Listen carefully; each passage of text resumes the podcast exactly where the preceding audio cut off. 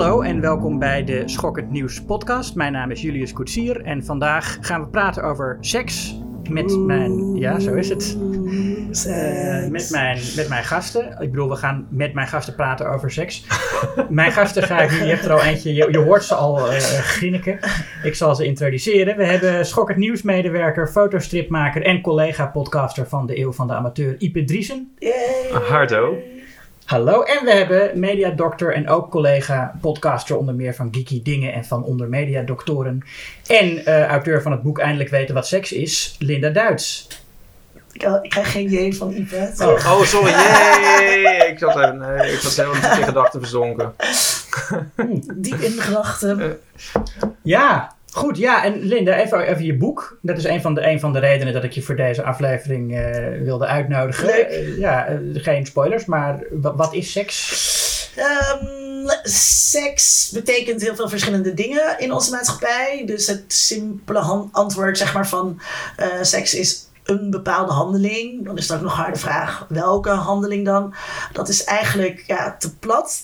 Uh, seks is ook een manier om spullen te verkopen bijvoorbeeld. Misschien ook wel om deze podcast uh, uh, extra luisteraars te bezorgen. Seks is ook een beroep. Dus ik kijk eigenlijk naar die verschillende functies die seks in onze samenleving vervult. Om die een beetje te duiden en te zien waar die vandaan komen. Maar ook om te kijken of er ook alternatieven zijn. Of het ook op een andere manier kan.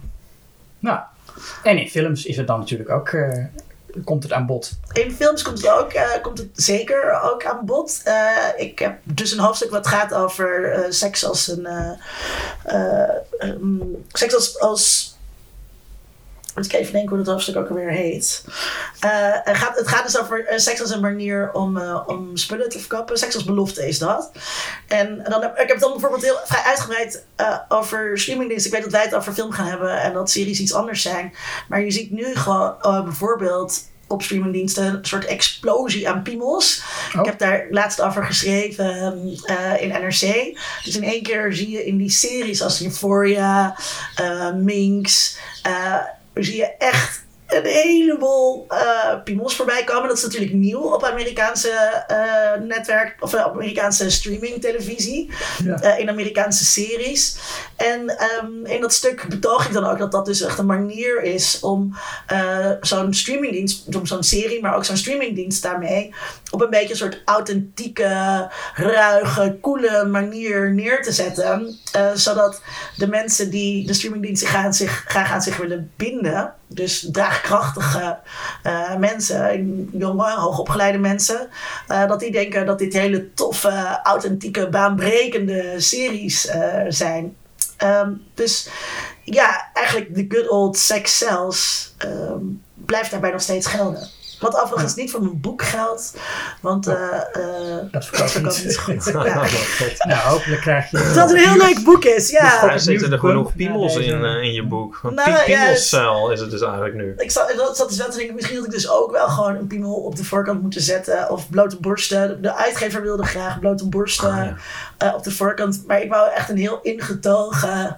Voordat is dus nu echt maar heel kalm. Echt bijna alleen maar letters. Dus misschien heb ik wel mijn mezelf daarmee de das omgedaan. Maar de inhoud is echt heel leuk en spannend. En um, iedereen die het leest uh, is er blij mee. Dus uh, koop het vooral, zodat ja. je eindelijk weet wat seks is. Ja, nou, dat, er zijn heel veel mensen die dat willen weten natuurlijk. En hopelijk krijgt het boek na deze aflevering de vermaarde schokkend nieuws bump in de, in de verkoopcijfers. Ja. Ik reken erop. Uh, het schokkend nieuws effect. Ja. ja. Voordat we over, um, over seks gaan praten in films en, en series ook trouwens, mag ook. Uh, was ik benieuwd of jullie nog wat gezien hebben wat je aan zou raden? Maar los van het thema. Oh, wat we aan zouden raden. Ik heb wel wat gezien. Ja, oh, ja oh, je, je, hoeft, je, hoeft er niet aan te raden. Nee, nou, uh, nou ik heb Moloch gezien. Daar, wij oh. zijn al uh, een soort van twee podcasts aan gewijd. Dat vond ik wel een aanrader. En ik heb van de week Man gezien van Alex Garland. Oh ja. Um, en dat vond ik eigenlijk een soort ehm, heel goede film verpakt in een niet zo goede film. En dat, dat vind ik wel eens jammer. Dat valt me ook op bij. Uh, wel vaker als ik recensies moet schrijven voor het schokkend nieuws. Dat, ik denk heel vaak van met minder moeite had ik de film echt veel beter gevonden. Dus gewoon alle, alle met scènes. minder moeite? Ja, voor de makers. Had gewoon alle scènes met CGI eruit gelaten. Oh, ja. En ik had het echt een topfilm gevonden.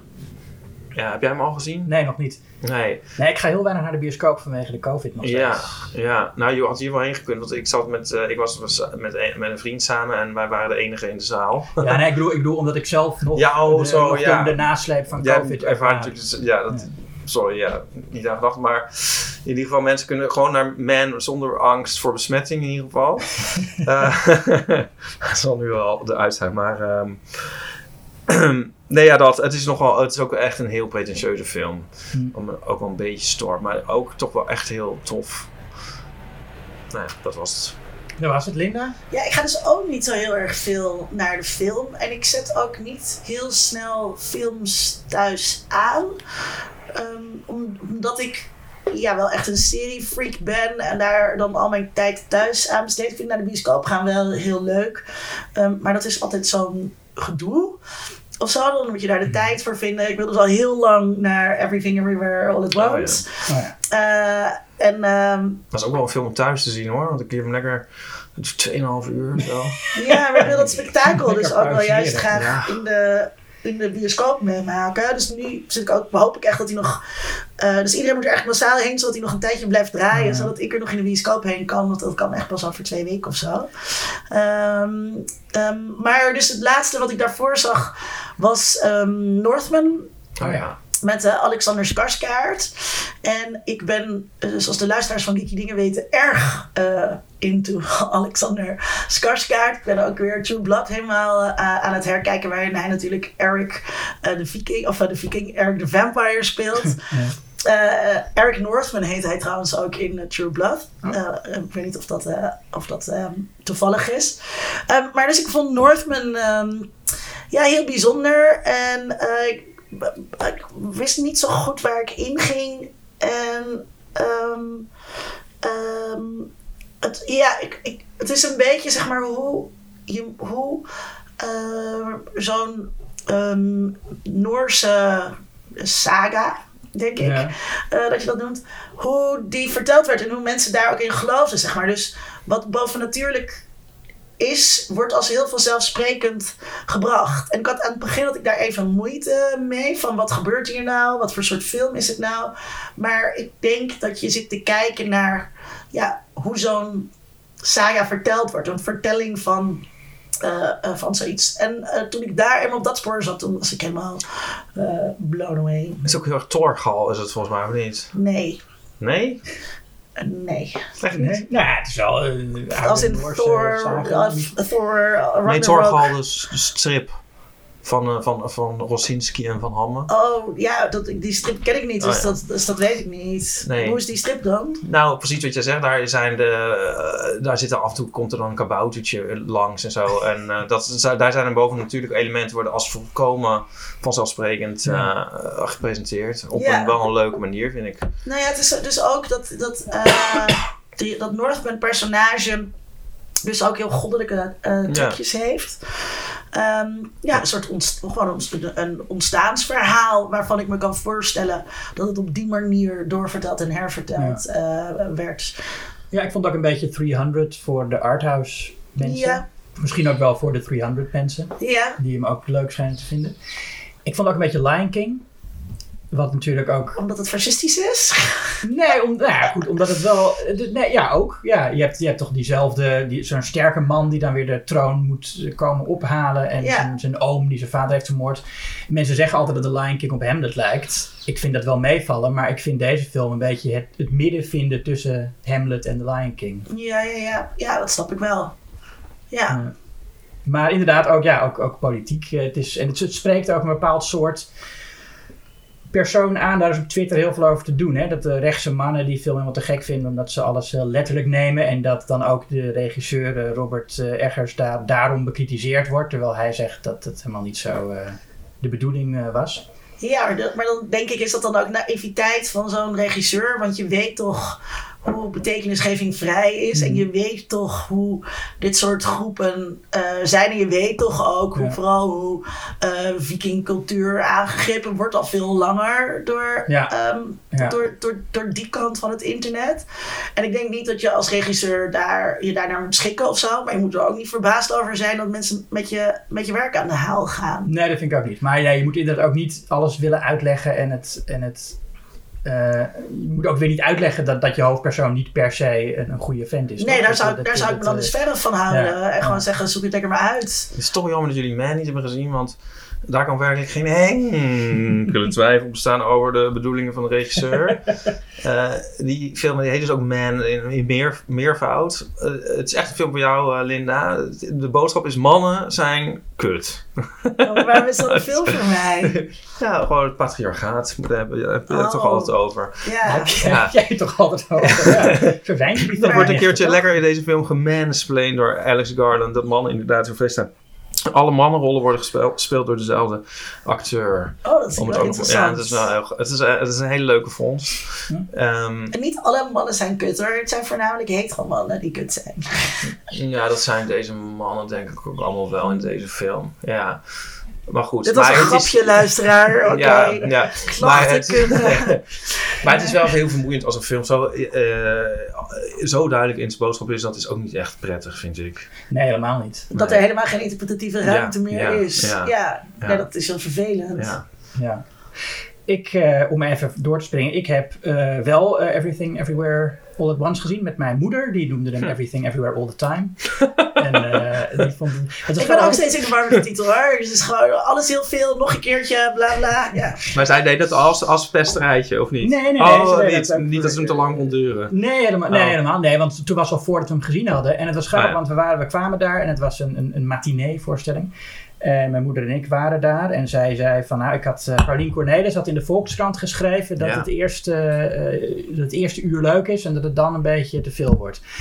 En toen liepen we verder. Toen hoorde ik een, een andere vrouw van dezelfde leeftijd als mijn moeder. Die zei ook, nou, ik las in de Volkskrant. Paulien Cornelissen, die vond het. Dus we zaten echt in een zaal met alleen maar dat soort mensen. Liepen ook heel veel mensen weg Ja. tijdens de voorstelling. Oh, echt? Eh, ja, ja, ja. ja. Wat dan? Wat raar. Ja, die zijn dan, omdat het, het is toch, die film wordt heel goed ontvangen. Dus dan denken Ja. al die Volkskrant-lezers, we gaan er naartoe. Maar die zijn helemaal niet voorbereid op dat het dan zo'n soort eh, science fiction... Marvel. eh, actie, nou niet, niet Marvel, maar wel echt een actiespektakel of momenten met gekke sci-fi vondsten. Ja, ik vond hem heel leuk. Mijn moeder vond hem ook niks.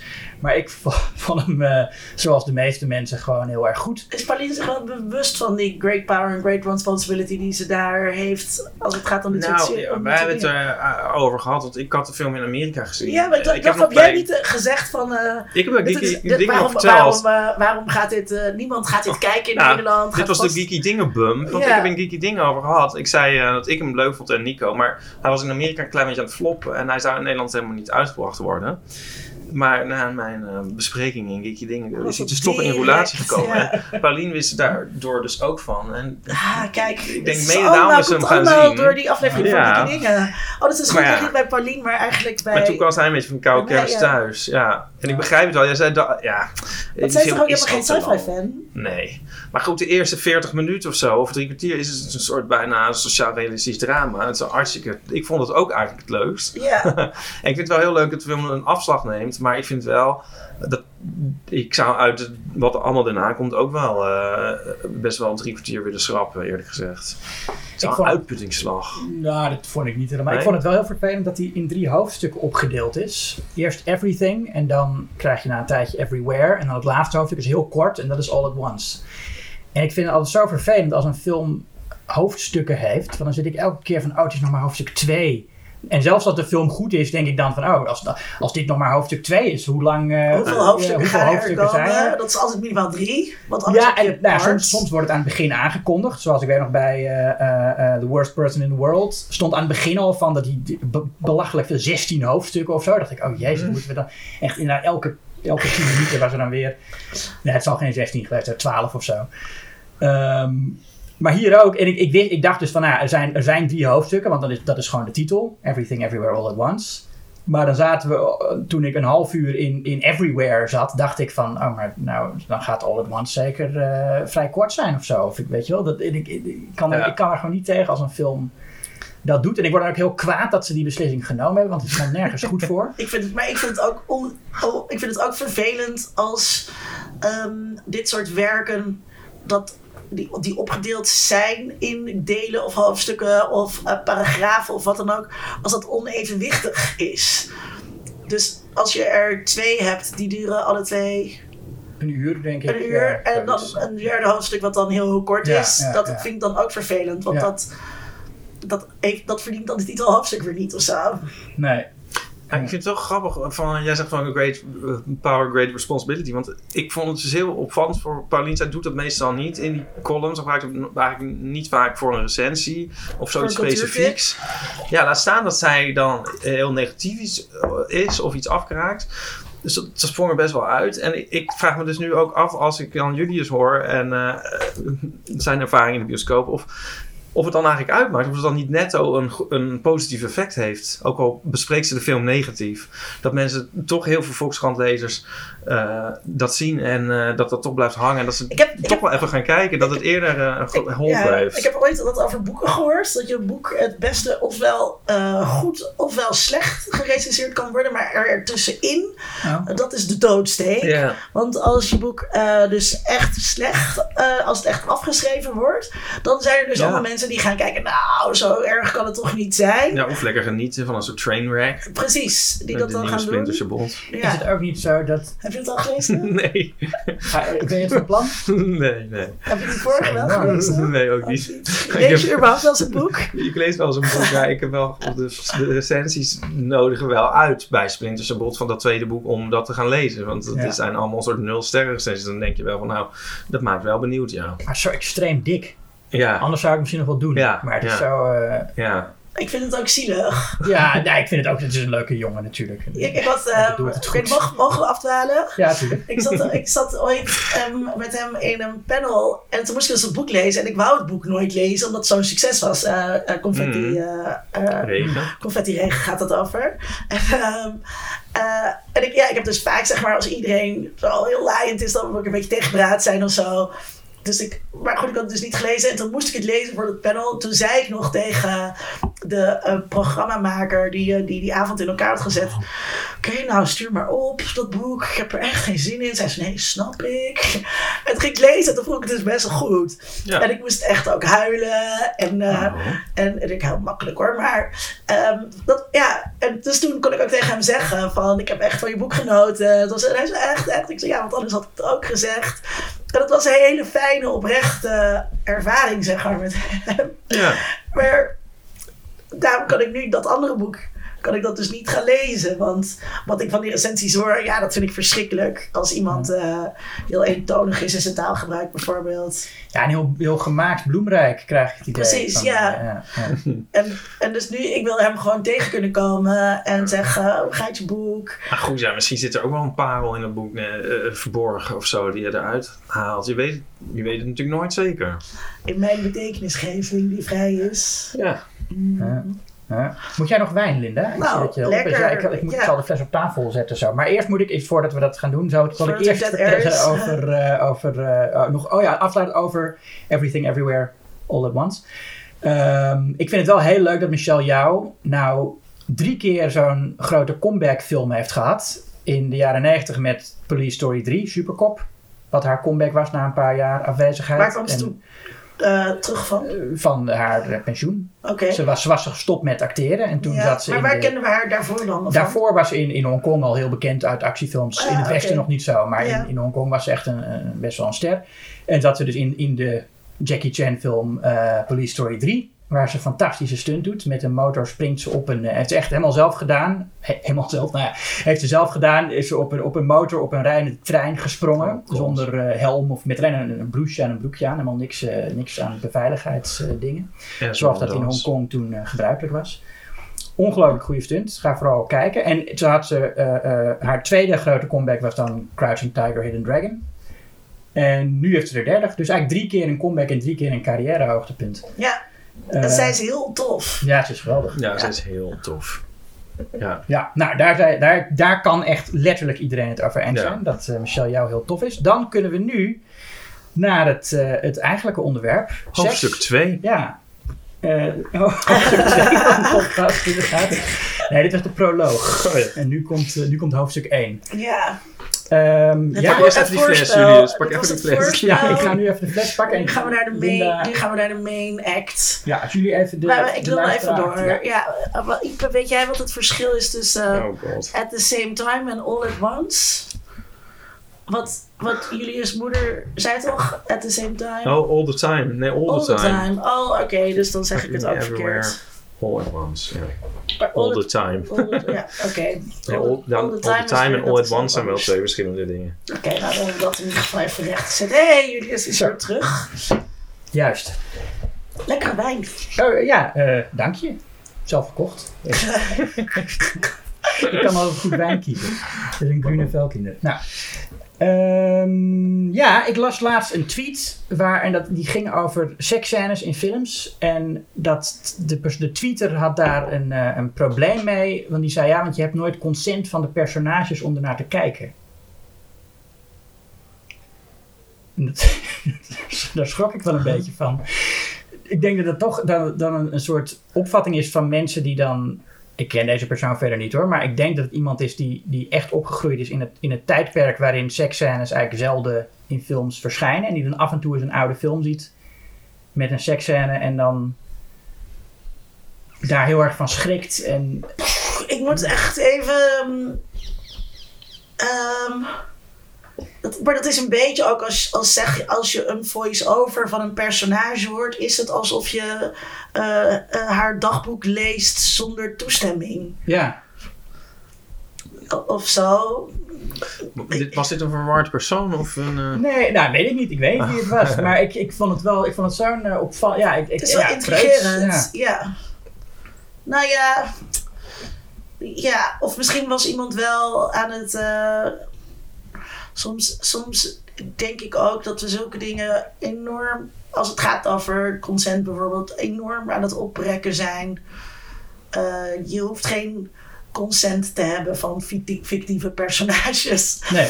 eh, om naar ze te kijken. Ja, om daar voyeur op te zijn. Nee, dat is volgens mij. Dat, dat is heel anders. Kun je het hele medium film ook wel afschaffen, natuurlijk. Ja. Want het is een voyeuristisch. eh, Ja, dus ik moet dan meteen echt denken aan Lauren Mulvey, hele bekende filmtheoreticus, die heeft geschreven over de male gaze. Wat zoveel inhoudt als we kijken eigenlijk altijd, eh, of we kijken met een mannelijke blik. Ehm, eh, dat, dat valt, valt op mijn voorbeeld om het mee uit te leggen, is altijd de openingsscène van Carrie. ja. Eh, en dan, dan zie je de camera echt als, een, eh, als de gluurbuur. Zo'n kleedkamer met meisjes ingaan. Er is overal stoom. En hij- die camera die kruipt steeds dichter bij eh, Sissy Spacek. En dan staat zij, eh, Carrie, dus staat onder de douche zich in te zeepen. En dan eh, is haar borst echt heel grondig aan het wassen. Echt heel grondig. Terwijl borsten natuurlijk op zich verder niet heel vies worden. Gegimd. Ze had gegimd, ja, maar en zeker niet als je zei, andere... mijn borst ook wel eens... Ja, iets, maar die doe je gewoon een beetje zo, 1, 2. Ik, Oh. heb wel eens ik heb wel eens getimed hoe lang ze daarmee bezig is. En, ehm, ehm, Nou, lang. Echt lang, ja. Dus dat is een heel mooi voorbeeld van die, van die male gaze. Maar dan nu moet, ik, maar nu, moet ik even, nu moet ik even graven in mijn geheugen. Want Mulvey relateert dat wel aan... Volgens mij noemt ze dat scopofilia. En dat gaat dan weer terug naar Freud. En dat heeft wel te maken met eh, het voyeurisme. Ja. eh, dat, dat een film in zich heeft. En dat koppelt ze weer aan het mannelijk ego, geloof ik. En, eh, Nou, het is een veilige manier om dezelfde ervaring als een voyeur te hebben. Zonder dat je, je weet dat je er niet voor eh, gestraft gaat worden. Maar ik vind dat je als een voyeuristische filmkijker ehm, best eh, slecht aan je trekken komt. Ja. als het gaat over Nou, seks. Als het gaat over seks. Ja, ik, ik heb geprobeerd iets op te zoeken vooraf en ik kan het niet meer terugvinden. Het- misschien weten jullie het of anders moet een van de luisteraars maar een, een briefkaart insturen. Van wie het, maar volgens mij is het Rudy Kousenbroek. Het kan ook W.F. Hermans zijn. Die heeft een stuk geschreven waarin hij... ehm, dus, ja, ik denk het moet Kousenbroek zijn. Ehm, hij betreurt dat seks... Hij zegt seks is eigenlijk uit films gelicht. En eh overgeheveld naar porno is een soort genre op zich geworden. En daar zijn allebei de eh, media slechter van geworden. En dan trekt hij de vergelijking met uh, westernfilms. Van, stel nou voor dat de, de, de shootout, maar daar is een ander woord voor, de duel Ja. in een westernfilm. Dat dat, dat dat daarmee was gebeurd. Dat je zegt van, oh nee, nee, dat, dat, dat, dat, dat doen we niet. Die, daar maken we aparte films van. Ja, En je, je blijft dan met een western over zonder duel. En je krijgt dus duels die worden opgerekt tot eindeloze. En die zijn veel minder interessant, omdat je de aanloop niet hebt. En de, hè, de hele impact. En die vergelijking, ja, ik moet daar heel vaak aan denken bij films want, eh, en bij porno. Ehm, het is zonde. Die ontkoppeling is, is echt eeuwig zonde. Ja. ik denk ehm, dat... Heel grappig heb ik dus heel toevallig hier deze afgelopen ehm, maandag eh, een gastcollege over gegeven op eh, de Filmacademie. Over, over seks en film en verkeerde ideeën over seks en dat soort eh, dingen. Ehm, kijk, ik denk, ik denk niet dat hij gelijk heeft. ehm, omdat de pornosfeer heeft altijd naast zeg maar een soort mainstream media eh, sfeer bestaan.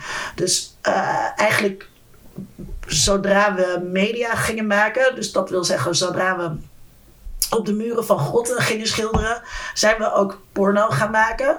Toen was dat nog niet zo heel erg van elkaar gescheiden. Maar eigenlijk zie je met, dat met de introductie van elk nieuw medium, eh, dat daar ook eh, een porno, eh, dat daar ook porno mee gemaakt wordt, maar dat staat heel erg los van elkaar. Dus toen de boekdrukkunst kwam, toen verspreidden zich ook allerlei goedkoop ge- gedrukte boekjes met allemaal schunnige verhalen die soort van naast de, de, de andere sfeer bestonden. Eh, met fotografie eh, hetzelfde. En er is natuurlijk maar een hele korte periode geweest in de geschiedenis waarin je eh, die, die, die ja, speelfilms had die heel pornografisch waren. Of eigenlijk gewoon pornospeelfilms. Ja, maar in, in de literatuur is die, is die ontkoppeling niet zo groot. Maar ik weet, ik weet dus ook niet of het klopt dat we dus dat die, dat die seks of heel expliciete seks, dat die uit films is verdwenen. Nou, Nou, ik mm, denk het wel. Als denk je nu het wel. kijkt naar wat er nu groot is en succesvol. Het heeft ook, het heeft ook deels te maken met dat het allemaal eh, eh, eh, aan, aan strengere censuur moet voldoen. Ook omdat heel veel blockbusters, of bijna alle blockbusters, het verhaal moeten hebben van China. Waar, dat, waar je gewoon heel strenge censuur hebt. Dus in een, in een, in een grote blockbuster zul je geen tiet meer zien Ja. eh, tegenwoordig. En Maar was dat vroeger dan heel dat- anders? ja, Star Wars is bijvoorbeeld ook echt zo tiet en seksloos Ja. als maar kan. Ja, Dat zou leuk zijn. Echt een enorme seks in Star Wars. Dat is lijkt me echt geweldig. Nou, het blijft echt bij een is- kusje. ja, eh, er dat- wordt niet eens getoond. Nee, dat lijkt me heel leuk. Star Wars was ook wel echt een, een kinderfilm. Maar als je kijkt naar Die Hard bijvoorbeeld, daar zit heel, heel kort een, een, een seksscène. Dus vroeger was het best wel normaal dat je gewoon een, een keer een topless shot had in een actiefilm. Niet dat ik dat per se mis of zo. Maar wa- wat Maar- bijna een, of een cliché, eh, ja, eh, het is een cliché, maar eh, een soort lachwekkend iets is, is dat in een film zeg maar weggepand wordt van de seksscène. Ja. Maar zelfs in Call Me By Your Name ehm, gebeurt dat nog, zeg maar. Ja, En ehm, ja, dat, dat vinden wij heel normaal. En in een boek doe je dat over het algemeen niet. Terwijl ik net een, eh, een Koreaanse gay novel heb gelezen waarin dat ook een soort gebeurt. Ja. Omdat ze daar dan ook blijkbaar minder ver zijn. Maar, ehm, maar dan nog denk ik van je hebt seksscènes en meer echte pornografie. En ehm, heel soms zijn die ook nog geïncorporeerd. En dat vind ik eigenlijk best wel tof. nou, die studenten wilden dus eh, graag weten van wanneer, wanneer wordt iets porno of wanneer, wanneer is iets porno. En ik heb, me toen, ik heb dat toen beantwoord met ja, de definitie van porno. Of er zijn natuurlijk verschillende definities van porno, maar een gangbare definitie van porno is seksueel expliciete beelden. Die ehm, gemaakt zijn met het doel om de kijker op te winden, zonder verdere vrijwarende artistieke of eh, sociale of wat dan ook eh, eh, kwaliteiten. En ehm, langs die definitie kan je dus best wel heftige seksscènes hebben die dan nog steeds geen porno zijn, Ja. omdat ze niet bedoeld zijn om de kijker op te winden. En ik denk dat dat wel heel cruciaal is. Dus ik weet niet of die, ik, ik denk, ik weet niet wanneer Kousbroek dan maar Hermans dit, dit heeft geschreven. Maar kijk, ik ben het wel eens met, met dat idee van censuur namelijk. Hè? Dus dat eh, juist zeg maar omdat je films in Amerika langs bepaalde leeftijdskeuringen wil krijgen. Of omdat je het ook in Azië wil vertonen. Dat je daardoor aan de safe kant speelt en die seks eruit haalt. Daarnaast hebben we natuurlijk ook nog eens een keertje uh, een, uh, een vrij assertief publiek op sociale media. dat ook van alles van dit soort dingen vindt, zeg maar, aan de woke kant. En dus dat daar misschien ook wel angst voor zit van we wilden gaan bepaalde dingen niet meer laten zien, want dan zijn we seksistisch of objectificeren we vrouwen of, of al die dingen. Dus, maar ik denk dat het eerder aan die censuur ligt. Dat is ook de reden waarom je dus op die streamingdiensten zoveel seks en zoveel piemels ziet. Omdat Ja. die streamingdiensten zijn niet gebonden aan die regelgeving van, eh, van de FCC. Nee, ik denk ook niet dat het niet aan de censuur ligt, maar het is meer dat ik wel eh, de mening deel dat het jammer is. Maar ik, vind, eh, ja, ik, ken- ik ken Ah, niet zo- zo, ja. zelf niet zo heel veel voorbeelden, maar bijvoorbeeld eh, de film Caligula, kennen jullie die? Ja. Ehm, dat, is, dat is eigenlijk gewoon opgezet als een heel groot eh, historisch epos en er zijn later een soort seksscènes bijgeschoten.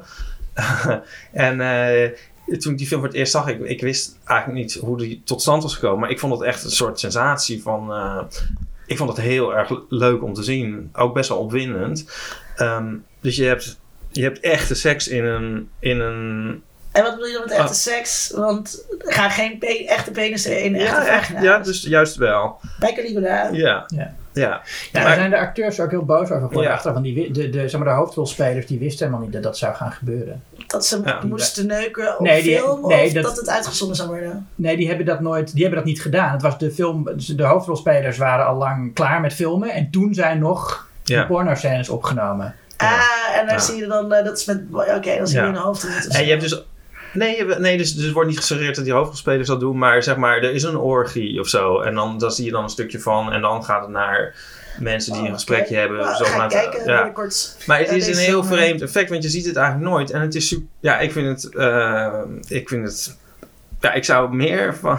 ik zou dat toejuichen. Zou Nou, meer het, is, het is realistisch. Ja. Het is deel van het, van het leven, tenslotte. Ja. En een ander voorbeeld wat, wat, ik, wat ik ken is eh, de film Short Bus. Is een eh, soort gay roadmovie uit 2006 met ehm, ook echte seks en eh, nou ja, eh, eh, ejaculaties en, alles en zo. En eh, ehm, ja, dat, omdat je het ook dus nooit ziet, het is, ik vind in de context van een, ehm, in context is het gewoon interessanter. Ja, ik vind het dus interessant dat het dan dus echt eh, seks is. En met echt bedoel ik dan inderdaad hier eh, dat er eh, echte penis en echte vagina's gaan. Ehm, omdat, Ja, vagina's weet ik niet bij Shortbus, by the way. Nou ja, goed, maar dat er, dat er Ja. daadwerkelijk ook eh erecties te zien ja. zijn. En eh, misschien En, en want, dat is, want dat is juist zeg maar een van de ergernissen die ik eh, heb als het gaat ook over het verschil tussen porno en zeg maar film of gewone film, is dat eh, porno wordt altijd beschuldigd van eh, het doorgeven van verkeerde ideeën over seks. Terwijl juist voor mij, weet je, dat, dat het laken altijd op, precies op de billen blijft zitten. Eh, mij veel meer verkeerde ideeën heeft gegeven over seks dan porno ooit heeft gedaan. Weet je wel? En dat, dat, dat, dat, dat, seks is gestuntel met sokken die uit moeten. Ja, dat heb ik ook nog nooit in een Paul Verhoeven film terug mogen zien. Terwijl dat is wel wat het, wat het maakt of zo. En die krampachtigheid om dat, om dat niet te doen. Hè? Dus je gaat wel... ehm, nou ja, je schiet ook niet echt iemand neer. Maar soms worden er wel eens echte klappen uitgedeeld. Ja, dan vind ik dat je ook echte seks moet durven laten Ja. zien. Ik zat vanmiddag toevallig eh, Wild at Heart te kijken. Nice. ook een enorm, eh, nou, wel best wel een sexy film. En David Lynch die natuurlijk dat graag eh, in beeld brengt. Maar eh, daar zit ook een shot in dat Nicolas Cage is dan Laura Dern op zijn op bed aan het neuken. En dan ligt zo een, een, een deken precies over de geslachtsdelen. Ik vind maar dat Leugens zijn leugens. Ja. Zo doe je dat toch niet? Dan zit hij, echt, hij zit ook echt zo dat, dat, dat laken op zijn plaats te houden. Dan zegt hij, oh, so sweet. En ik vind, ja, maar dat, doe dat shot dan gewoon niet. Eh, Ik snap Ja. best dat je niet eh, porno wil schieten, maar doe, doe dat shot dan Maar gewoon je doet dat anders. shot dan gewoon anders. En dat is dus ook, zeg maar... David het- Lynch nog. Ja. Dus je had het ook met die studenten een beetje over van... ehm, dat ik in dat opiniestuk voor het parool over, over die piemels op Mhm. streamingdiensten had geschreven. Hè, het is een verkooptruc en het is niet ehm, de, de, de, een soort grote eh, gelijkmaker tussen de seksen. Het is niet zo dat er nu in één keer ehm, dat die, dat die eh, piemels heel, seks, heel sexy zijn. Of dat het mannenlichaam nu geobjectificeerd wordt. Eh, een mooi voorbeeld in de recente eh, serie die nu op Disney Plus te zien is over Pam en Tommy. Wat sowieso heel kijkwaardig is als je geïnteresseerd bent in celebrity cultuur. En ehm, dat, gaat dan de hele tijd over hoe Pamela Anderson dus inderdaad geobjectificeerd wordt. Ook een mooi voorbeeld van de, van de male gaze. Hoe die camera zeg maar, op dat lijf in dat badpak van Baywatch gaat. Ehm, en dat wordt in de film of in de serie benadrukt en nog eens een keertje overgedaan. Op een gekke manier. En je ziet Tommy's piemel en die gaat tegen Tommy Lee praten. Weet je wel, dat is Ja. heel grappig. Dat is kolderiek. En dat laat meteen dat verschil zien.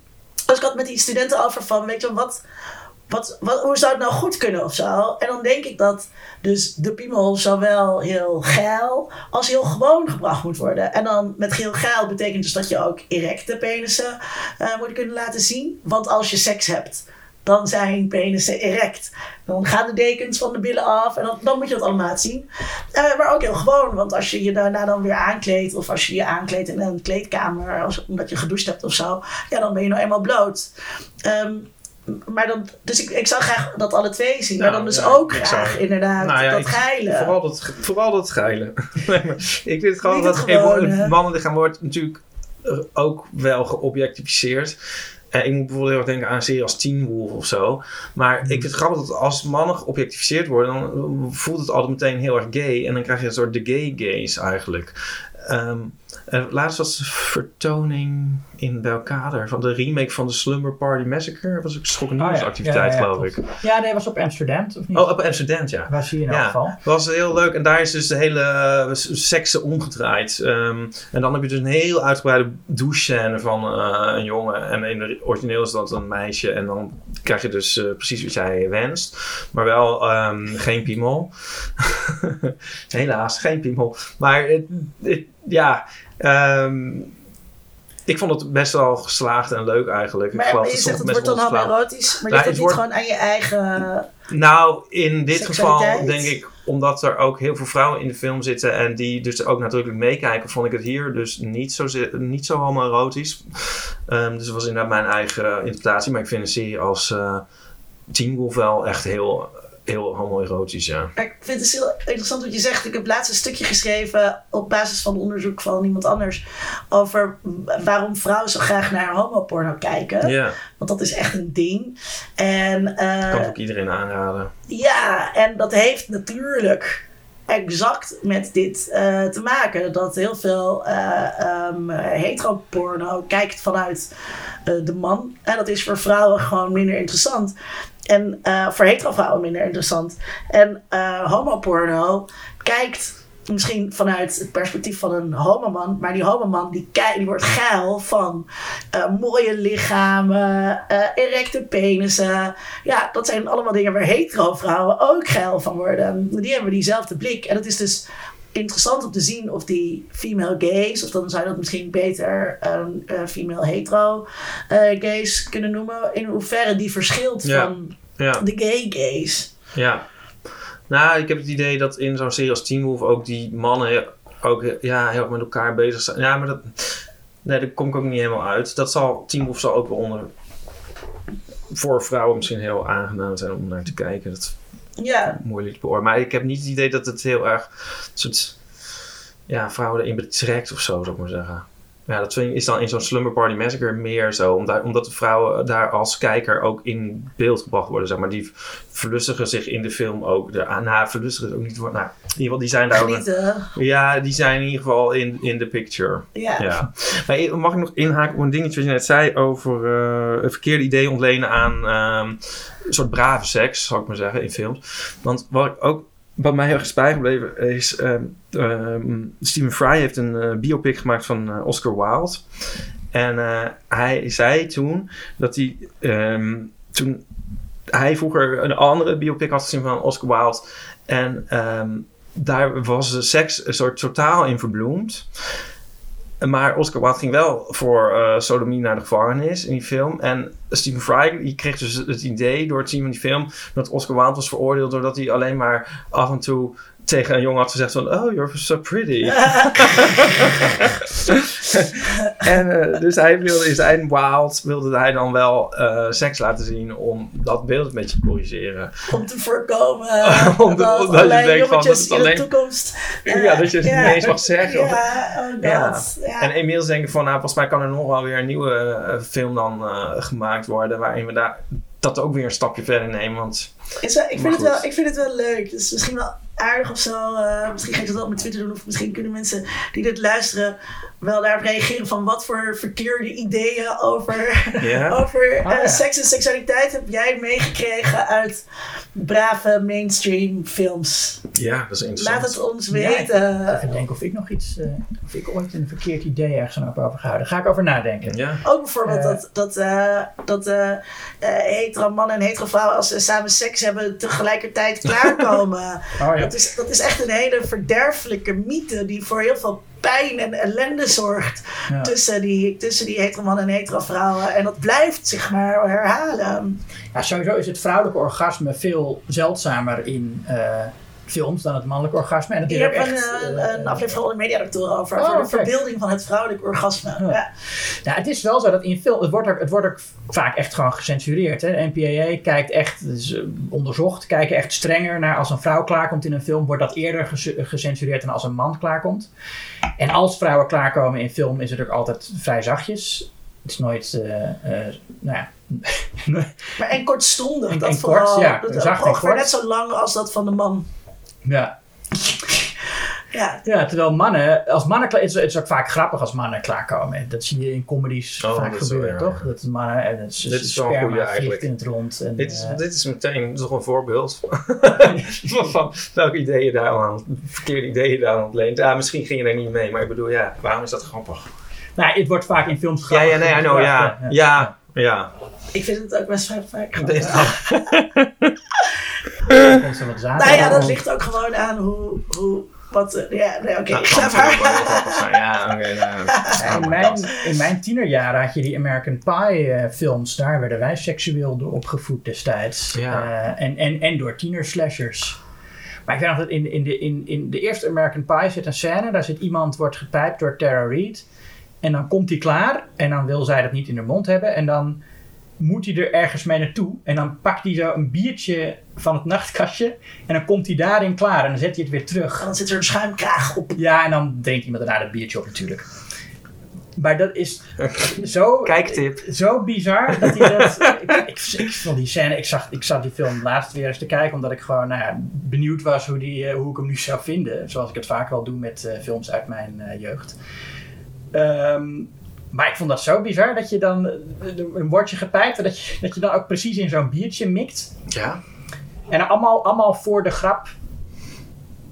Wat je ook had kunnen doen, was dat hij gewoon in haar mond was klaargekomen en zij het in het biertje had uitgespuugd. Dat was, eh, ja. Dan had je een, een veel logischer weg naar die grap gehad. Ja, Misschien hebben ze die ook geschoten. En, Maar eh, dat zal dan gecensureerd zijn. of Ja. zo. Hmm, dat, Maar- ja, dat is wel een interessante vraag.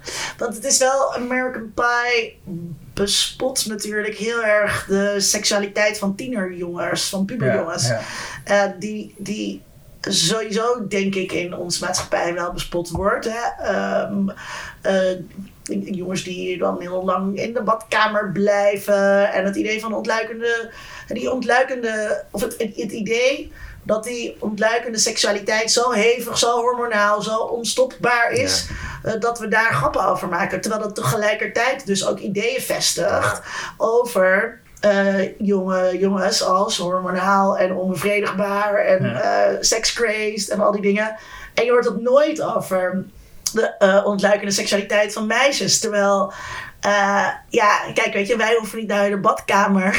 wij kunnen gewoon op een fiets stappen. weet je wel? En, ehm, en, dat is, en dat is natuurlijk veel minder zichtbaar. Maar eh, het lijkt dus alsof het bespot wordt. Terwijl tegelijkertijd wordt er dus ook een soort idee mee gevestigd van ehm, wat, een, wat mannelijke seksualiteit is. Die helemaal niet grappig is, maar juist eh, oncontroleerbaar, onbedwingbaar, Ja. niet te stoppen. Ik moet nou heel erg denken aan Juice Bigelow 2. Hebben jullie die gezien? Nee, heb ik niet gezien. Dat is toch die waar je in Amsterdam was? Jazeker, ja, dat heb ik al Die gezien. heb ik heel vaak gezien, want mijn zus zit daarin. Oh, kijk eens. Ach, volgens mij weet ik dit, maar vertel het nog eens. Ja, die heeft gewoon misschien zelfs een zinnetje. Ze speelt een stewardess of zo. Gelukkig niks ergs. Maar daardoor af en toe pak ik die film en eh die is zo... Is hij niet ook opgenomen bij het Oost-Indisch Huis? Dat weet ik even niet. Maar die, uit welk jaar is die film?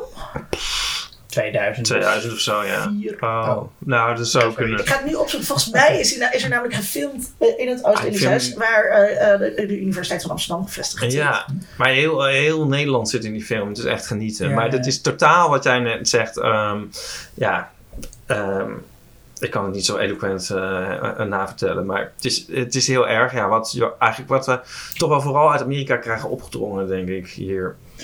Ja. Eh, ja, dus Bigelow European Bigelow uit 2005. Nou ja. En ik kan dus bevestigen dat de UvA eh, toegang heeft verleend en dus ook dingen heeft stilgelegd om deze film geschoten te laten worden in het Oost-Indisch. Ja. Ja.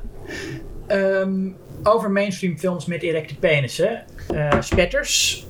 Ja. Daar zit er één in. Die verdwijnt. Spetters? Spetters van Paul Verhoeven. Daar zit een erecte penis ook in. Die, die verdwijnt in de mond van een man.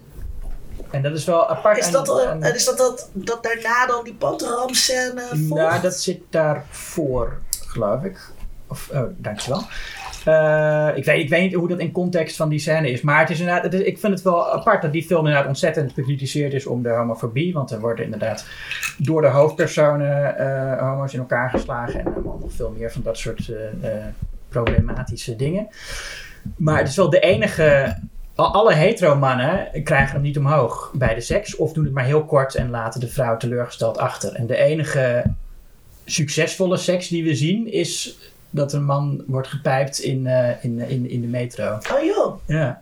Hmm. Ik denk dat Verhoeven daar wel eh, iets mee wilde zeggen over, over die macho's. Ja. Ja, wat stond er nou in de Schok het Nieuws special? Van over? Verhoeven? Oh, ja? Ja, iemand was ook wel een beetje teleurgesteld destijds, zei hij. Ik weet niet meer wie het was. Ik geloof niet dat ik ehm, daar iets homofobs in zag, die film. Nou, nee, het, het laat homofobie zien van de hoofdpersonen. En ik geloof dat die hoofdpersonen toen wel ook als sympathiek gezien werden. Ja. Oh, zo. Maar ja. is het daarbij niet ook opgeschoten jochies, machismo? Hmm. Maak Nou, ik, ik, zie, ik, zie dat, ik zie dat heel erg in die film, ja. Opgeblazen egels, die ene jongen, het is alweer een tijdje geleden hoor, dat ik Spetters voor het laatst heb gezien, maar die ene jongen die dan met, die altijd heel veel bevoeren heeft en heel stoer is en die Hmm. krijgt dan een ongeluk en zijn hele mannelijkheid wordt in elkaar gekrenkt, want hij kan niet meer lopen. Ja, en, klopt. Ja.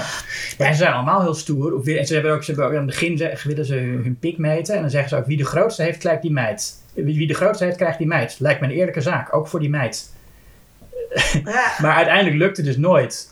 Er zit geen één succesvolle hetero-seksscène in die film. Ah. Mag ik daar een zijpadje Ja. over, over gaan? Ik keek laatst Temptation Island, wat ik heel leuk vind. Vind ik ook leuk. En ehm, eh, toen ehm, was er, je, je hebt dan van die stelletjes en eh, je hebt de vrijgezellen, vroeger de verleiders, maar nu heet het de vrijgezellen. En die vrijgezellen komen dan op een bepaald moment, mogen ze dan iets zeggen tegen die jongens van die stelletjes, de, de mannelijke vrijgezellen en vice versa. En een van die jongens die zegt dan dus eh, tegen zo'n gast in een stelletje iets van, eh, ik ga, je- ik ga jouw chick pakken. En dan zegt die gast, die dus een stelletje is, die zegt als reactie alleen maar... eh, mijn pik is zo groot, er passen zeven kraaien op. en ik keek dat met twee andere vriendinnetjes en zoveel vragen. Dus sowieso, weet je wel, hoezo is, weet je wel, ik ga, ik ga je vriendin eh, proberen af te pakken. Hoezo is dan, ik heb een hele grote lul. Is dat daar een, een antwoord op of zo? Dat, dat begrijp ik dus gewoon niet. Maar ook dan dus zeven kraaien. begrijp- Zoveel vragen. Waarom kraaien? Nou, ik kraaien associeer eh, je met de dood. Waarom zeven, niet vijf? Is het een stijve pik? Is het een slappe pik? Hangen die kraaien Nee, het eraan? is Dan zitten een- ze nee, op stok. Het is wel een stijve pik, dat zie ik wel voor me. Maar heb je dit ooit Ik gehoord? vind het een heel mooie poëtische uitdrukking. Ik Zeven, er het, passen eh, zeven kraaien op mijn ja. pik. Ik, zat, ik, heb, ik ga ook in Temptation Island. Ik heb, er, was, er was al een paar jaar geleden dat Sydney en, en, en Demi eh, waren toen een stel. En had iemand tegen, een van de verleiders, zoals toen nog heette, had tegen Sydney gezegd van ja, je hebt een kleine lul. En Sydney was er echt heel eh, eh, boos over. En Ja. echt nam het heel pers... Terwijl hij weet gewoon, die gast heeft zijn pik niet gezien. Dus die, Ja. die zegt maar wat. Ja. Hij is echt in de terug op het busje zat hij. Ja, maar wat denkt die gast dat ik een kleine lul heb? Waarom denk je anders dat Demi met een gastje van 18 gaat? Nou, ik, ik heb echt een grote lul hoor. Ik wil niet, eh, ik wil niet opscheppen, maar ja, dat is gewoon zo. Ja, dat het heel, dat het heel belangrijk is. Ja. Ja, ja, nou ja, ik kan nog wel een Temptation Island boekje openen. Ja. Er is dus ook eh, eh, een jongen eh, in- uit dezezelfde Temptation Island Vips. Oh. Eh, die dus de vorige keer. ehm, eh, of, of een meisje was vreemd gegaan met een van die verleiders. En surprise! Zij doet dus nu mee aan Temptation Island. En eh, dan is die jongen daar dus ook weer. Die zegt dan weer opnieuw, weet je wel. eh, bla bla bla. En toen ging het allemaal nalezen. En toen bleek dus dat die eerste keer dat zij de dag erna naar het ziekenhuis moest. Eh, omdat ze dus blijkbaar, nou ja, er zaten allerlei associaties bij van, weet je wel, dat dus zijn, eh, zijn piemel zo groot was, of dat zij dus helemaal kapot geneukt was. En dat dat allemaal dus ehm, eh, uitingen van extreme mannelijkheid waren, waarmee die, haar partner, degene waarmee ze een relatie had, gekleineerd werd of zo. Ah. Ja, heel fascinerend vind ik dat. Mensen gaan boze brieven schrijven, hè? want als het bij Ivonie eh, worden ze al kwaad. Dus als het nu over Temptation Island Ja, we gaat. moeten nu inderdaad. eh, Oké, oké, oké. Ik inderdaad weer terug naar de. Nou, goed dat Ipe dat zegt. Ik was het net zelf ook van pas. Wat, wat ga je vertellen? Nou, ik, ik heb eh, twee dingetjes over horror. Want misschien moeten we het hebben over eh dat idee van eh, de, de maagd overleeft of zo. Ja. Maar het andere wat ik denk, ehm, dat zei ik toen ook in Kiki Dingen. Ik vind het een beetje curieus dat, eh, misschien is het gewoon zo gegroeid, dat moord is een soort, dat zien we als amusement. En eh, bijna een soort chic of zo, van een who done it. En eh, nou leuk, oh, spannend, grappig. Maar eh, seksueel geweld niet. Daar is gewoon Ja. geen amusement in uit te peuteren. Is dat zo? Mm, Dat zei je toen niet. maar dat is één ding. Ik bedoel, je hebt nooit van, nou, oh, ja, je hebt geen whodunit met een verkrachter. Die, die, die ken ik niet. En je hebt, je hebt een miljard whodunits met een Ah, moord. op die fiets. Ja, Ja. dat klopt. Ehm, maar daar, is ook weer, daar ligt ook een kans volgens mij voor horrorregisseurs. Want wat, wat zou, eh, hoe, hoe ja, spannend zou het kunnen zijn? Ja, ik durf het al bijna niet te zeggen, omdat ik nu zelf dan het misschien verheerlijk. Maar zijn dus ook niet, eh, is niet een soort Freddy Krueger verkrachter. Terwijl daar best wel een eh, Nee. vette horror in zou kunnen zitten. Behalve Freddy Krueger dan.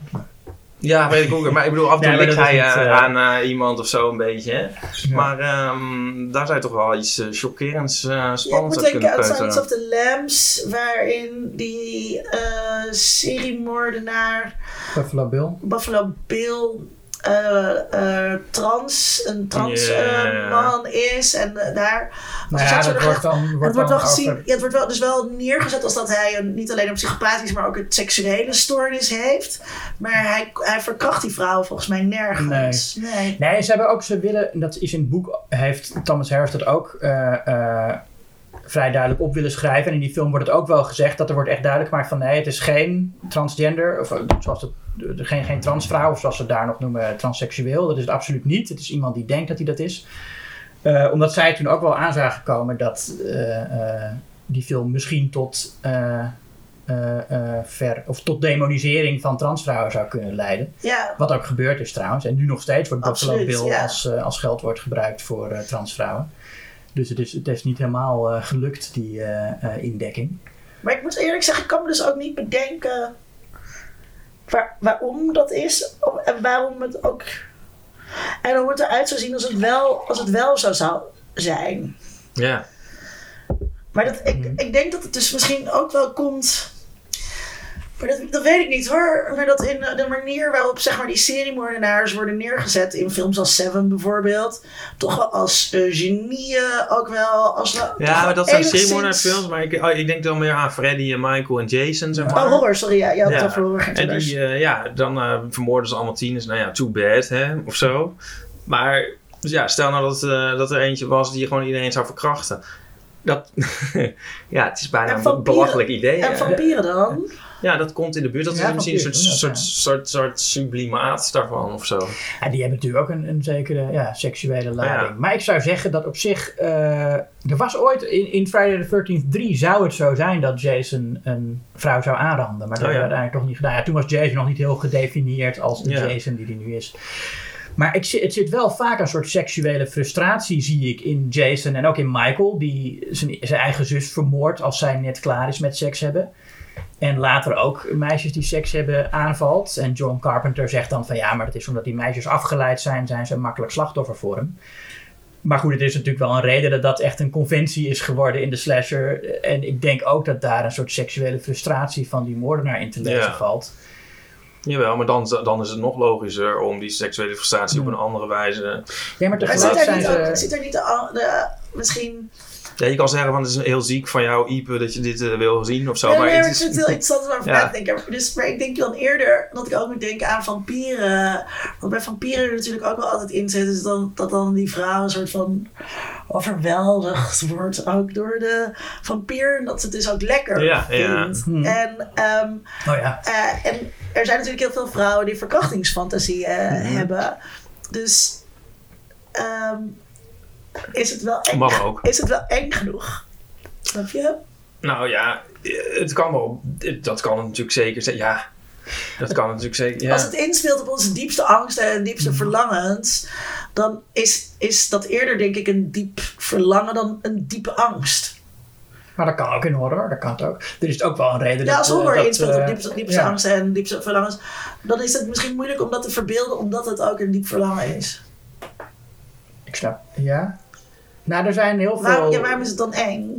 Het- maar het hoeft niet per se eng te zijn, denk ik. Of maar misschien is het ook eng omdat het een verlangen is waar je bang voor Maar bent. kijk, ik, ik heb nog nooit gehoord dat iemand verlangen heeft om in het bos achterna geze- gezeten te worden door een inteeltgast Nee, met, een, met, een, met een, eh, hoe heet zo'n zaag? Ketting- Ja, maar ik heb ook nooit een- gehoord dat iemand in een bos achtervolgd wil worden door een gas met een inteeltgast met een kettingzaag.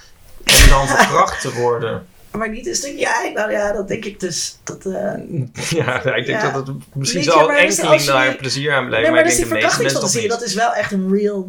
En dat is Ja. echt iets. Nee, eh, dat snap echt. ik. Dat snap ik. Maar dat is natuurlijk vrouw, niet ja. een soort algemeen ding. En als je door Freddy Krueger nou verkracht zou worden, dan zouden toch de meeste mensen zouden daar toch niet op te wachten zitten. Ik bedoel, af en toe doet hij iets met zijn tong en dan is het al best wel goor en eng en zo. Dan denk je van, uh, eeuw. Ja, Ik dat, denk inderdaad ook dat de meeste mensen niet zitten te wachten om verkracht te worden door Krueger. Nu je dat heel goed zegt. eh, Ipe. Maar, en maar, nee, maar en dan kunnen we het dus ook weer bekijken voor wie zijn dit soort Ja. films gemaakt. Dus eh, dit soort horrorfilms eh, werden volgens mij vooral gemaakt ook voor ehm, high school eh, kids om Ja. naartoe te gaan Ja, als date en zo. ja. En eh, dan moet je ze ook niet gaan verlekkeren met een beetje eh, verkrachting. Nee, dus, dus ik, er zitten twee dingen in mijn hoofd Ik, eigenlijk. nu Van, klink ik op heel erg van Nee, maar- verkrachting. Ben ik niet. Dat is echt heel slecht. Nee, ik schrijf nee, geen ik brieven. weten. Linda is niet pro ik ook niet. Maar er zijn twee dingen dus ontstaan. Want het is ook heel raar dat dus moord wel een soort heel amusant is. Ik En, en, en tieners zo kijken van, ah, nou, Ja. leuke film. We gaan gezellig een film kijken waarin alle andere tieners vermoord worden. Dat is raar. En eh, ja, ik zou dus ergens wel benieuwd zijn, dan misschien toch een beetje ziek, van als er iemand een keer zo'n film zou maken, ehm, dan niet met moord maar verkrachting, ja, daar zou ik toch wel heel, eigenlijk wel heel razend benieuwd naar Ja, zijn. je, hebt, je hebt die Japanse reeks, Rape Man. Oh. Over een soort super eh, schurk, held, anti-held die, eh die vrouwen verkracht. Superheld. Nou ja, dat is, De gast die alle fantasieën van vrouwen komt. hij vindt zichzelf, ik heb nooit zo'n film gezien, maar wat ik ervan begrijp is, hij vindt zichzelf dan een superheld omdat hij dan vrouwen gaat straffen die dan de, de, de moreel de scheef zijn overgegaan. Oh, jammer. Dat moest Ja. Ik vond mijn uit idee leuker. komen. Ja, Ja. Maar en dat is eh, real life of, of uh, Dit is live action. Oh, li- ja, Ja. bedoel ik, live action, ja. Oh, nou, dat is dan wel... nou, ja, onderzoeken dat waard. vind ik, ja. Ehm, maar nee, over, over vampiers. Er zijn natuurlijk heel veel homoseksuele en vooral lesbische vampiers in de... eh, Biseksuele. biseksuele vampiers. It's a thing. Het bestaat ja, echt. zeker. In de, in de, in de literatuurgeschiedenis. De, een van de eerste vampierverhalen is natuurlijk Carmilla. En ook heel veel films over haar gemaakt. Ehm, is dat ook iets van dat je dan eh, toch eh, dat, een, een, een, een verlangen dat je hebt dat je eigenlijk niet aan jezelf wil toegeven, dat dan als een soort monster eruit. eh, Ja, geëxternaliseerd worden, wordt. ja. En de dingen die echt niet kunnen. Die, het objecten. eh, dat, eh, dat tot je komt. Ja, Ja, dat dat, tot je komt in de nacht ook. Terwijl jij onschuldig in je bed ligt. Oeh, oh, ja. Nou, in Dracula van Francis Ford Coppola, dan ehm, daar zit wel een soort. Dan neemt hij de vormen aan van een wolf. Ja, En dan eh, zit hij zo bovenop die Lucy. Dan, Ja. dan heeft het zelf verkracht hij ook een soort ja van dat eh, best wel ranzig. eh, ja. Ja. Nu het zegt. Tof ja, er zijn vast nog wel meer, meer voorbeelden te bedenken. Zijn, ja, zeker in die oude Jess Franco films zijn ook zijn best wel veel verkrachtingen hoor. In, de, in echt in de jaren 70 gore exploitation films. Ja, Daar zitten oh ja. best wel eh, verkrachtingsscènes in. En je hebt natuurlijk het hele rape revenge genre. Ja, I Spit on Your Grave. ja, maar dat, en, vind ik dan, eh, dat is dan niet op de, Ja, maar wat ik dus zou willen is een soort gezellig. zou willen zoals. naar mijn Oh, als een soort, gezellige soort rape. gezellige Een soort Agatha. Christie, dat Kenneth Branagh Ja. de volgende Agatha Ja. Christie verfilming. eh, Ja. ja. Ja. Met die kant, maar goed. Wie was de, wie was de billenknijper in het donker? ja, het was de butler. Ik heb toch misschien iets te veel aan inkijkje in mijn Duitse geest gegeven, maar ja. Ja, dat is alleen maar leuk. Ja. Ehm, Maar het is wel, ik vind het dus wel interessant. Om, ik moet echt vaak met zeggen. Ik vind het interessant. Je, je, Het is eh, ook allemaal heel interessant. Nee, maar er- dus in die whodunit zit dus altijd een soort van bewondering voor de moordenaar. Die iets heel Ja, clevers ja, heeft ja, gedaan. ja, ja. Die er bijna mee wegkomt, was het niet voor een Ja. Poirot. Of, Oh, ja. ehm, en ik denk dat het, dat het dus niet mag om zo'n soort bewonderaar, bewondering te hebben voor de verkrachter. Nee, dat snap ik ook, maar het is raar om het wel voor de moordenaar te hebben. Want daar, daar denken we gewoon helemaal niet meer over Maar na. omdat we denken, misschien. En nou ja, daar, daar hebben we het ook in die Agatha Christie, eh, of ja, in onze Agatha Christie van Kiki Dingen, onze Kiki Dingen aflevering van Agatha Christie over. Ehm, Jij zegt ook Agatha. ja, ik zeg Agatha, ja. Ja, daar ik zeg heel Agatha. Maar dat, ehm en nou ben ik mijn punt Sorry. Eh, bewondering voor de moordenaar. Bewondering voor de. Oh, dat dus ehm, eh, eh, heel vaak de dader wegkomt zonder straf. En dat er dus ehm, bijvoorbeeld bij A Murder on the Orient Express er toch wel een soort ondertoon in zit van dat het oké is. Ja, En ja, dat maar die- ja, dat die daar hebben we gast toen al over, vermoord dus moeten we dan verwa- Ja, daar gaan we niet al over doen, daar gemaakt. gaan we niet over doen, maar, Ik, dat is niet waar. maar dus dat, daar, er kan dus, je kan dus makkelijker bewondering hebben, denk ik, voor een moordenaar dan voor een Nou, oké. Nu heb ik misschien de... eh, Oké. Ik denk dat er in de ogen van sommige mensen een moord gerechtvaardigd kan zijn. En dat Ja. mensen soms zelf een moord zouden plegen als hun iets vreselijks is aangedaan of zo. En dat je uit wraak die moord pleegt. En dat mensen waarschijnlijk zichzelf niet snel zien als iemand die eventueel seksueel geweld zou toepassen. En we fantaseren denk iets- ik allemaal wel eens over, of we denken allemaal wel eens over hoe handig zou het zijn Ja. als eh, persoon eh, X dood is. Ja, zou of als je in het verkeer wordt, als, als iemand in het verkeer iets lulligs doet of zo, dan kun je, wel- heb je wel al snel een fantasie van, oh, ik zou diegene wel dood willen maken, maar je denkt Ja. niet heel snel van, oh, die, die ga ik verkrachten. dat is vreselijk. Ja. Daar zou Nee, misschien er wel iets in het- zitten. Ik denk dat dat is. ja. Kijk net zo anders uit die smiley van het t-shirt. Ja. Niet, zeg ik, ik zeg niet. Maar het, ik denk dat er echt misschien iets in zit, ja. Nou, Nee, dat denk ik ook. En, en het feit dat verkrachting, eh, dat we dat veel vaker associëren met een man die een vrouw verkracht dan ja. eh, andersom. Ja. Of een, een vrouw die een vrouw of een man die een man of wat dan ook. Eh, dat het daardoor ook een, een, een misdaad is die veel meer eh, eh, eh, politiek met zich meedraagt meteen. Terwijl ook verkrachting van mannen een ding is en Ja, ook zeker. verkrachting door vrouwen een ding. Ja, it's real. Is for you. en ehm, moeten we het nog even over de trope hebben van de maagd die eh, overleeft? Of, ehm, Ja, laten we dat ook meteen ik heb er niks doen. over te zeggen hoor, maar ik denk Girl? van anders is het helemaal Girl, niet Carol genoemd. Nou ja, wat, wat Carol Cleaver erover zegt is natuurlijk dat, dat, eh, dat het zo bijzonder is dat die films dan inderdaad, die in die tijd ook heel erg eh, afgekraakt werden door allerlei critici, omdat ze vrouwenvriendelijk zouden zijn. En dat zij zei, ja, maar eigenlijk zijn, worden die, die tienerjongens die er naar kijken, leven uiteindelijk ook mee met de Final Girl, die in heel veel gevallen de moordenaar ook terug penetreert. Wat ook weer een seksuele lading krijgt. eh. Ja, gedachtes. Wil je nog, zal ik nog een nieuwe fles wijn eh openen? Nou, er zit, Oh, er, er er zit nog wat in. Ehm, ik, ik, ik, ik vind het altijd heel moeilijk om dit soort eh, filmlezingen te doen. Dat is ook helemaal niet mijn, eh, wa- waar ik gespecialiseerd in ben. Ik kijk naar wat er aan productiekanten gebeurt en wat er aan eh, receptiekanten gebeurt. Dus hoe mensen Hmm. betekenis geven. En dit is, dit is echt het domein, dan kom je echt in het domein van een soort eh, psychoanalytische filmanalyse. en, dat, en dat weet ik gewoon niet. En ik heb altijd het idee dat je daarbij ook een beetje alle kanten op kan. Welke kant je maar wil. Kijk, ik denk dat het onmiskenbaar is dat er iets is met die Final Girl en de maagdelijkheid. Maar vervolgens blijft het best wel een open empirische vraag hoe tienerjongens daar nou betekenis aan geven. En die vraag is best wel vaak ingevuld door eh, filmtheoretici. Van dat kan dit zijn, dat kan dat zijn. Maar dat vind ik dus niet zo interessant. Ik heb nog nooit een onderzoek gezien naar betekenisgeving onder tienerjongens. Ja. Hoe zij naar dit soort dingen kijken. Wat zij daar dan uithalen. Halen zij er dan uit dat het slecht is om eh, eh, seks te hebben of voor, tiener, voor tienermeisjes? Kun je dit niet gaan Nee, doen? dat onderzoek is er niet. Nee, maar kun je dat, Oh. kunnen we dat niet opzetten? Jij. Nou ja, Leuk, dat leuk dat eh, maar is misschien wel leuk eigenlijk voor een scriptiestudent. Ja. Ja, dat is, dat is wel iets wat ik kan, mee, eh, wat ik kan meenemen. Maar dat is, dat, dat is wel dat is een heel interessante vraag. En dat vind ik een veel interessantere vraag dan, weet je wel, wat heeft obscure mediawetenschapper X of Y daarover te zeggen, die elkaar dan vervolgens tegenspreken, maar niet met elkaar in dialoog gaan. Ja. Wat vind jij? Nee, dat ben ik. Ik denk, ja, het zijn, het zijn andere vragen. Het, ik, ik denk dat een mediawetenschapper ook wel iets kan zeggen over eh, betekenis van een film op zich, zonder dat je het per se hoeft te hebben over eh, of, of iedereen die dan ziet. Ik denk dat eh, het ook gewoon goed is. eh, eh, als je dan zelf die film gaat kijken en die betekenis eruit haalt, dat kan dan al voldoende zijn. En het, het hoeft niet per se te gaan over wat voor invloed het heeft op, eh, op de maatschappij of zo.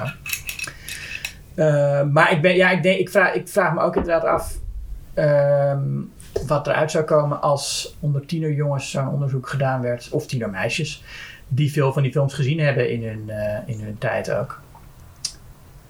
Ja, want we merken er volgens mij niet zoveel van. Ik, ik, geloof, in, ik geloof niet dat, dat die films eh, jongeren ervan afhouden om seks te hebben. Dat als dat de Friday the natuurlijk 13th niet, en nee. Halloween kijken, dat ze dan denken, oh als we seks hebben dan komt er een Jason. Er is best wel eigenlijk niks dat je kunt doen. Nee, om dat om seks te hebben. zijn? Ik heb vrienden die opgegroeid zijn in Iran.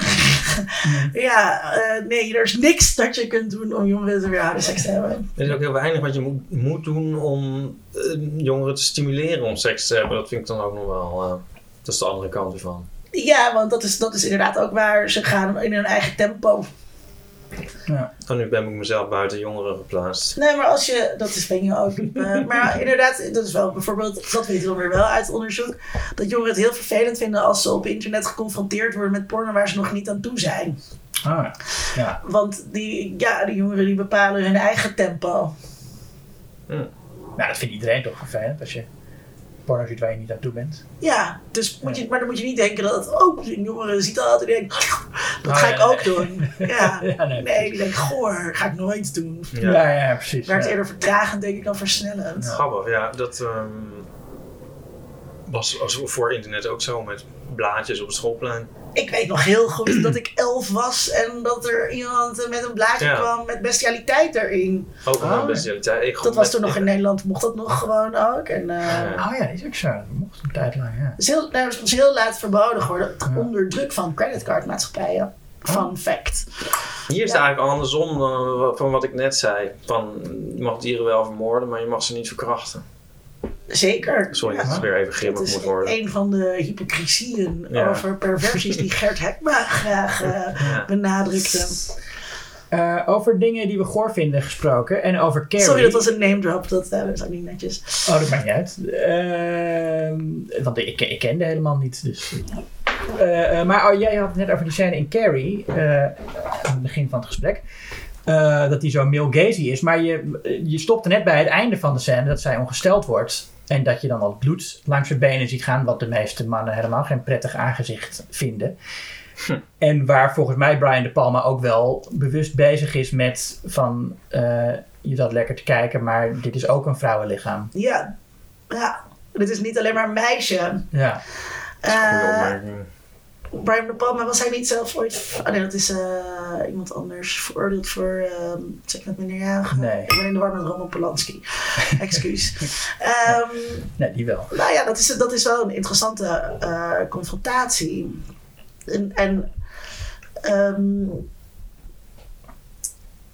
er zit natuurlijk heel veel, ik probeer die film terug te krijgen, veel in over wat, er, wat er gebeurt. Zij krijgt toch ook haar krachten. Als Ja, zij, ze wordt voor het eerst ongesteld, voor het eerst. En daar schrikt ze ook zelf heel erg van. En dan komen inderdaad die, die krachten, om, omdat ze dan nou, ja, volwassen is geworden. Ja. zo, ja. Zie ook Buffy the Vampire Slayer, Ja. die de Chosen One wordt als eh mens, voor, voor het eerst mens geweerd.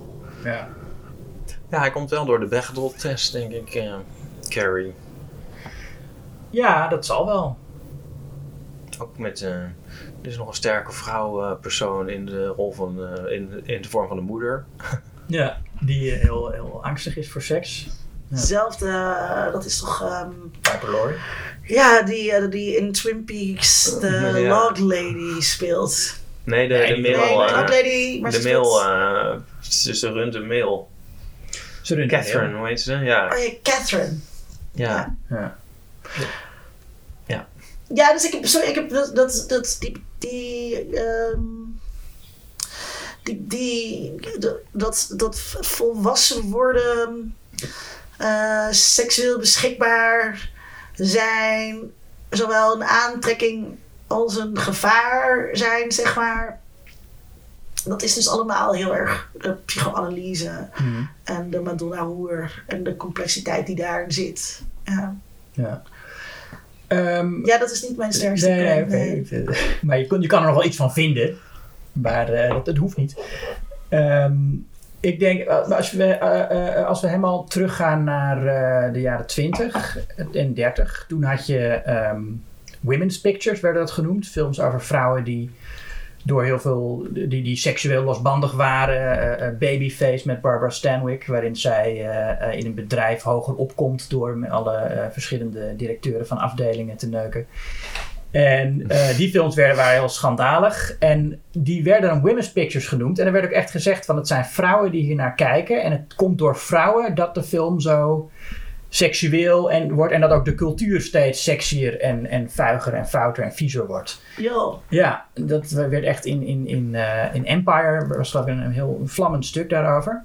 En toen is de Hays Code ingevoerd in 1934, die dus al dat soort dingen verbood. En vanaf dat moment is het ook zo dat eh, moesten stelletjes in films eh, eh, moesten in aparte bedden slapen. En er mocht niet de suggestie zijn dat een, dat een ongetrouwd stel ooit seks had gehad. Casablanca is ook bijna gecensureerd om die reden. Ja, dus die Hays was heel... Er stond nog veel meer in trouwens ook dat je geen... eh, dat een, een zwarte man niet met een witte vrouw mocht gaan. Allemaal echt heel eh, vergaande eh Dus qua, periodisering, dit is net aan het einde van de eerste feministische golf. Ja, De eerste feministische golf eindigt zo'n beetje met het verkrijgen van kiesrecht voor vrouwen. En in die tijd ehm, was dus ook een beetje het idee, wat je ook zag na de tweede feministische golf.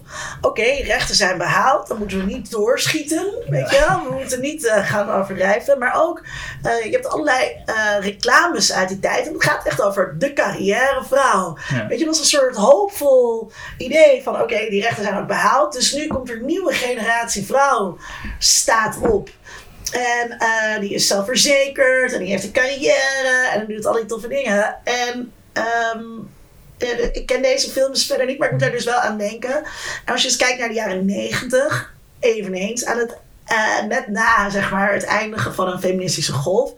Dan heb je dus ook in populaire cultuur heel erg girl power. Dat is de tijd van Buffy the Vampire Slayer, maar ook van de Spice Girls, van Charm, van de, Puff, van de Powerpuff Girls. Eh, ook allemaal een soort van zelfverzekerde eh, chicks die tegelijkertijd ook weer sexy mogen zijn en eh, daar weer mee bezig zijn. Maar waar wel, waar wel hele geëmancipeerde eh, Was dat in bij die ja. films ook zo? Ja, nee, zeker. Ik zou ze ook echt aanraden hoor. Babyface is echt leuk. Tenminste, als je van films uit die tijd houdt. En de jaren Babyface 30 is dan, is dan dus daar de backlash op. Ja, Net als dat er in de jaren 1934, 0 een backlash. Ja. Ja, en ja, je merkt echt dat het veel preutser wordt als je een film van eh, uit 1933 kijkt. Dat een veel, eh, veel meer geweld en veel explicieter dan wat er na 34 allemaal mocht. Als je kijkt naar eh, Tarzan and His Mates, de tweede Tarzan film met Johnny Weissmuller. Ehm, daarin zijn Tarzan en Jane echt een heel leuk stel. En ze, sla ze slapen ook samen. Ze slapen allebei naakt. En, en, en duidelijk in hetzelfde bed bij elkaar. En ze geven elkaar... Ze zitten de hele tijd zitten ze aan elkaar. En ze gaan ook naakt zwemmen. En je ziet ook echt een scène met...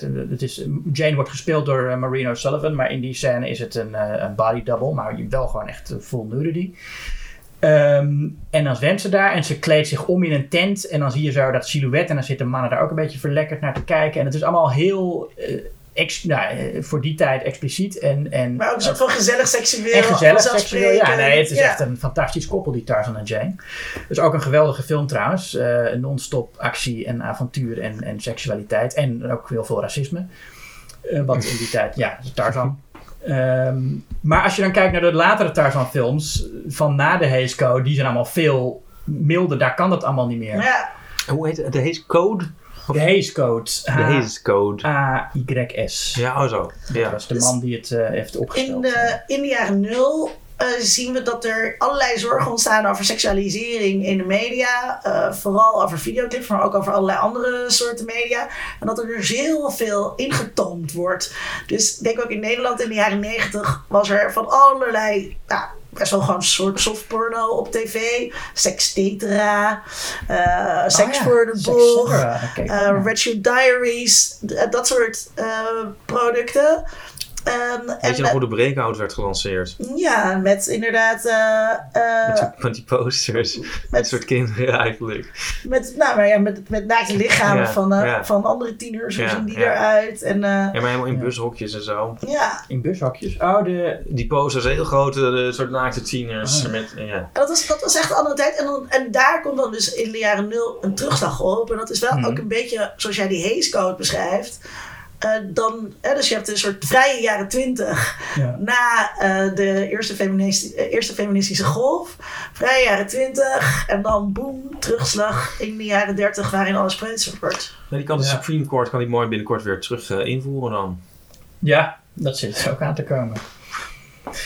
Uh, op, ja, misschien een, een goede deprimerende noot om op, hier meteen een ander over op te concluderen. Uh, ik zou dus juist zeggen, want er zijn dus nu uh, merk ik heel erg veel zorgen over verpreuting. Hmm. Wat jij ook een beetje had bij de Ja. insteek van deze podcast. En dat wijst er dus op dat die golf weer de andere kant op gaat. Er waren de zorgen eerst over seksualisering, zijn de zorgen nu over verpreuting. Zijn we niet doorgeschoten, mag niet weer een beetje meer. Ja. En dus dat is wel een soort hoopvolle noot als Oh, ja. uh, je van de seks en bloot houdt. Het is een hele deprimerende noot als je daar tegen bent. Maar ik denk, ik, ik, ik zie dat dus juist, dat is wel wat ik je signaleer in ieder geval. Dat er zorgen zijn. We, we hebben te veel preutsheid. Ja, Ja. zorgen over verpreutsing betekent, we zijn te veel preuts. Het moet losser. ja. En Oké, vind jij dat een ook? hoopvolle noot dan? Oh ja. Of ik vind dat het losser moet. Ja. Ehm, Van Ipe weten we het al, die willen leven. Ja, denk ik altijd is het wel relevant wat ik dan vind. Ik zou het dus wel, ik zou het interessant vinden in ieder geval om te. Oh, Jezus, echt te vaak. Ik ga nooit meer het woord interessant gebruiken. Oud zijn. Eh, ik zou graag zien hoe zo'n eh, emancipatoire gelijkstelling tussen man en vrouw eruit zou kunnen zien als mannenlichamen op eenzelfde manier geobjectificeerd zouden worden als vrouwen. En waarbij er, er dan ook een soort van functioneel naakt kan zijn waarin, dat is, waarin de, de piemel heel gewoon is. Dus die, dat gewoon en geldt tegelijkertijd waar ik het net had, over had. Ik, dat zou ik heel leuk vinden als die ontwikkeling komt. En ik ben geen filmmaker. Dat zei ik ook tegen die uh, leuke lieve studenten van, uh, van de filmacademie. Uh, ja, ik denk zeker dat Nederlandse uh, filmmakers of Franse filmmakers of sowieso Europese filmmakers dat veel beter kunnen dan Amerikaanse. Dus ik ben wel heel benieuwd als een soort challenge aan hun van wat zij daarmee gaan doen. Nou, oké. Okay. Ja, ik moet nog denken aan, jou, aan jouw NRC-stuk over piemels. En uh, daarop was er een ander stuk waar het over ging over piemelprotheses in films. En dat dan de piemels weer vaak niet echt zijn. Um, dat heb je ongetwijfeld ook gelezen. Of niet? Nou, dat heb ik niet gelezen, maar wist ik Oh. wel dat die piemels niet echt Ja, zijn. Ja. dat was, is dan toch ook wel weer een beetje een bittere pil, vind je niet? Nou ja, kijk, we weten natuurlijk ook al vaak dat, dat die borsten van, eh, van, eh, van een actrice vaak niet haar borsten zijn, maar die van een body double. Maar ja, vind ik doe dan dat minder, dan. Vind ik dan minder Laten we dan niet weer een hele workshop eh, voor in de wereld Nou, is toch leuk Ah, als mensen een beetje piemels aan het kleien Misschien is het ook wel zijn. leuk. Ja, leuk idee dat je daar zit met zo'n... Hey, hey, hey, hey, nog één ding. Hebben jullie een favoriete seksscène? Of eentje Ja. die... ja. Nou, want ik denk van, straks dan zijn de luisteraars denken toch van, eh, hallo, eh, is hij nou nog niet genoemd? Eh, wat ik een toffe seksscène vind, is die in Don't Look Now. God, die wilde ik ook zeggen. Ah, ben ik het te snel? Ja, ja nee, toch gepakt, ja. En waarom is dat Nou. goed? Nou, het- hij, is, hij voelt heel echt. Ja. Ehm, en ehm, ja, dat, om het vreselijke woord dan te gebruiken, hij is ook heel functioneel. Hij, hij, hij eh, is heel belangrijk in het verhaal en eh, hij hoort er echt in. Ja. En ehm, hij is, ja. Nou, waar- waarom vind jij hem goed? Want Nou, ook, het veel beter. Daarom, maar ook omdat hij eh, zo versneden is met dat ze zich weer Ja. aankleden. Dat je ook ziet dat het is hoe zij met elkaar omgaan. Ja, En dan die seks tussendoor. Dat het echt inderdaad, ja. Het hoort gewoon bij hun dagelijks leven. En je krijgt echt een inkijkje in eh, ja, hoe zij met elkaar omgaan op dat moment. eh. ja. Dat eh, voor mij. En het duurt lekker lang. En hij duurt lekker lang, ja. Ja, Mag ik twee dingen noemen? ja tuurlijk. Eentje die ik noemenswaardig vind en die ik ook maandag met de student van de Filmacademie heb gekeken, eh, komt uit een serie. En dat vind ik niet de beste seksscène, maar ik wil het wel bespreken. Komt uit de serie Special. Eh, Special gaat over een homoseksuele jongen die cerebral palsy, palsy heeft. Ik weet even niet hoe je dat in het Nederlands eh, zegt. Zeker. Ja, eh, dat- eh, eh, dat is een, een, een lichamelijke aandoening. Mhm. En ehm, die, die, in die scène wordt. Ja, hij wordt dus eerst versierd als een superknappe jongen. Dan zijn ze helemaal blij. En dan gaan ze thuis seks hebben. En dan blijkt tijdens die... En die jongen vraagt heel goed... eh is heel erg met consent bezig tijdens die scène. Dus je zit dat te kijken en je denkt... Wow, wat fantastisch. Wat fantastisch voor onze hoofdpersoon. Dat zo'n knappe gast hem leuk vindt. En wat fantastisch dat het helemaal volgens het boekje zeg maar gaat. Maar dan wordt, du- dus, dan wordt dus duidelijk dat eh, die knappe gast hem feticheert. Eh, vanwege eh, zijn littekens. eh, en vanwege, zijn, vanwege dus de afwijkingen tussen aanhalingstekens aan zijn lichaam. Dat is zo goed in beeld gebracht. Dus je ziet... Eerst ben hem dus echt heel blij met die jongen. En dan zie je hem soort van verschieten in bed als hij dat door heeft. En hij, die jongen kijkt, of hij kijkt, de hoofdpersoon kijkt weg. En dan zegt die knappe gast: No, no, eyes on me. I'm here with you. Waardoor het ook een beetje een soort eh rapey wordt. Ehm, en dan eh, is die jongen weg. Je ziet gewoon heel mooi in beeld gebracht wat het met iemand doet als je gefeticheerd wordt om een bepaalde eh, eigenschap die je hebt. Of dat nou hè, een, eh, een handicap is, of eh, een kleur die je hebt, of, of wat dan ook. Dus dat vind ik een hele krachtige scène als het gaat over de ideeën die we meekrijgen over seks en hoe je dat dus ook goed kan doen. Dus dat wilde ik noemen. Maar dan mijn favoriete seksscène uit een film ooit is Barbarella in The Excessive Pleasure Machine. Ah, Ehm, ik heb net Barbarella weer gekeken voor eh geeky dingen. Maar dit had ik denk ik ook gezegd als ik dat niet had gedaan. Want dit is echt... eh, ik keek dit als puber. En toen dacht ik, ik wil ook in die machine. Dus voor mensen die het niet weten. Jane Fonda speelt in Barbarella een soort eh, sci-fi stoeipoes. eh, die het universum moet gaan redden van de evil Dr. Duran Duran. Daar komt ook inderdaad de naam vandaan. Die natuurlijk een of ander photonic laser heeft. Die alles kan bedreigen. Nou, Barbarella valt dan in handen van de evil Dr. Duran Duran. En hij stopt haar in die excessive pleasure machine. Dat is een soort orgel. eh, gericht op het geven van seksueel plezier. En Barbarella is zo seksueel vrij, nou niet vrijgevochten. Barbarella is zo seksueel vrij dat eh, eigenlijk iedereen sterft van het orgasme dus dat je uiteindelijk krijgt. Maar zij ligt daar alleen maar een beetje zo te kerk. En eh, het is Duran Duran die eraan onderdoor gaat en hij gaat dat orgel steeds heftiger bespelen totdat uiteindelijk het orgel ontploft. Ja. Beste seksscène ooit. ik vind Barbarella juist ze is wel vrij, maar ze is heel eh, naïef en onschuldig erover. Toch op een gegeven moment, want zij, zij, doet, zij doet niet aan seks. Ja. In, in haar utopische toekomst doe je dat Ja. gewoon met een, met een handoplegging en zo. En dan eh, krijg je kinderen. Daarom Maar- stipte ik vrij gevochten ook Ja. in. Zij is niet, ze is niet een eh, seksueel bevrijde vrouw. Ja. Want in haar wereld hoefde ze niet bevrijd te worden. Zij is gewoon zo. Maar ze treedt alles eh, eh, vol, eh, vol vertrouwen zeg maar, tegemoet. Oh, oké, dit is anders dan wat wij doen. Maar ik ga het gewoon proberen. En dan bleef ze daar plezier aan. En ik hou heel erg voor mij. Is, is dit een hele feministische film? En ik hou heel erg van dat vooropstellen van het, van het plezier van de vrouw. Je kan natuurlijk van alles zeggen over Barbarella. dat degene die die film maakte op een andere manier over dachten. Maar zoals ik toen als puber naar die film keek en nog steeds naar die film kijk, is met, ehm, met eh, jaloezie dat zij is opgegroeid op een aarde eh, die ook vrij is van al die malle vertogen over seks waar wij allemaal mee moeten dealen. Ja. Ja, ik wil ook, als ik Barbarella zie, wil ik haar ook zijn. Ja, Ja, ook leuk. vanwege Ja, dat, leuk. dat pure, vrije. Ja. Zo wil ik ook wel door het universum eh, Maar je reizen. hebt daar, ja, ja. Nou, het is wel een beetje het Born Sexy Yesterday type natuurlijk. Dat je ook in, eh, in eh, hoe heet het, The Fifth Element eh, eh, hebt, Mila Jovovich in die Maar dat, dat echo natuurlijk En heel erg eh, Barbarella. Ja, ja, zeker. Maar dat idee dat je als man het aantrekkelijk is om een vrouw te hebben die helemaal geen ervaring heeft en alles wel goed vindt. Dat zit daar. Dat, dat Ja. heb ik, dat, die indruk krijg ik altijd. Daarom vind ik Barbara het altijd een beetje. Ik vond, een beetje, ik, ik vond een beetje tegenvallen toen ik hem voor het eerst zag. Om die, eh, toen, ook als puber. Om die reden dat zij zelf helemaal niet bezig lijkt met, met haar eigen seksuele wil. Ehm, Totdat ze op een gegeven moment in die machine belandt en dan ontdekt ze het. Maar dat zij.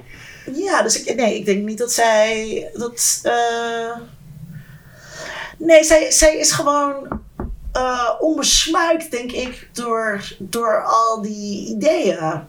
En ehm, dus het is niet dat ze een soort. Ze is ook niet onschuldig, namelijk. Ze is helemaal niet onschuldig.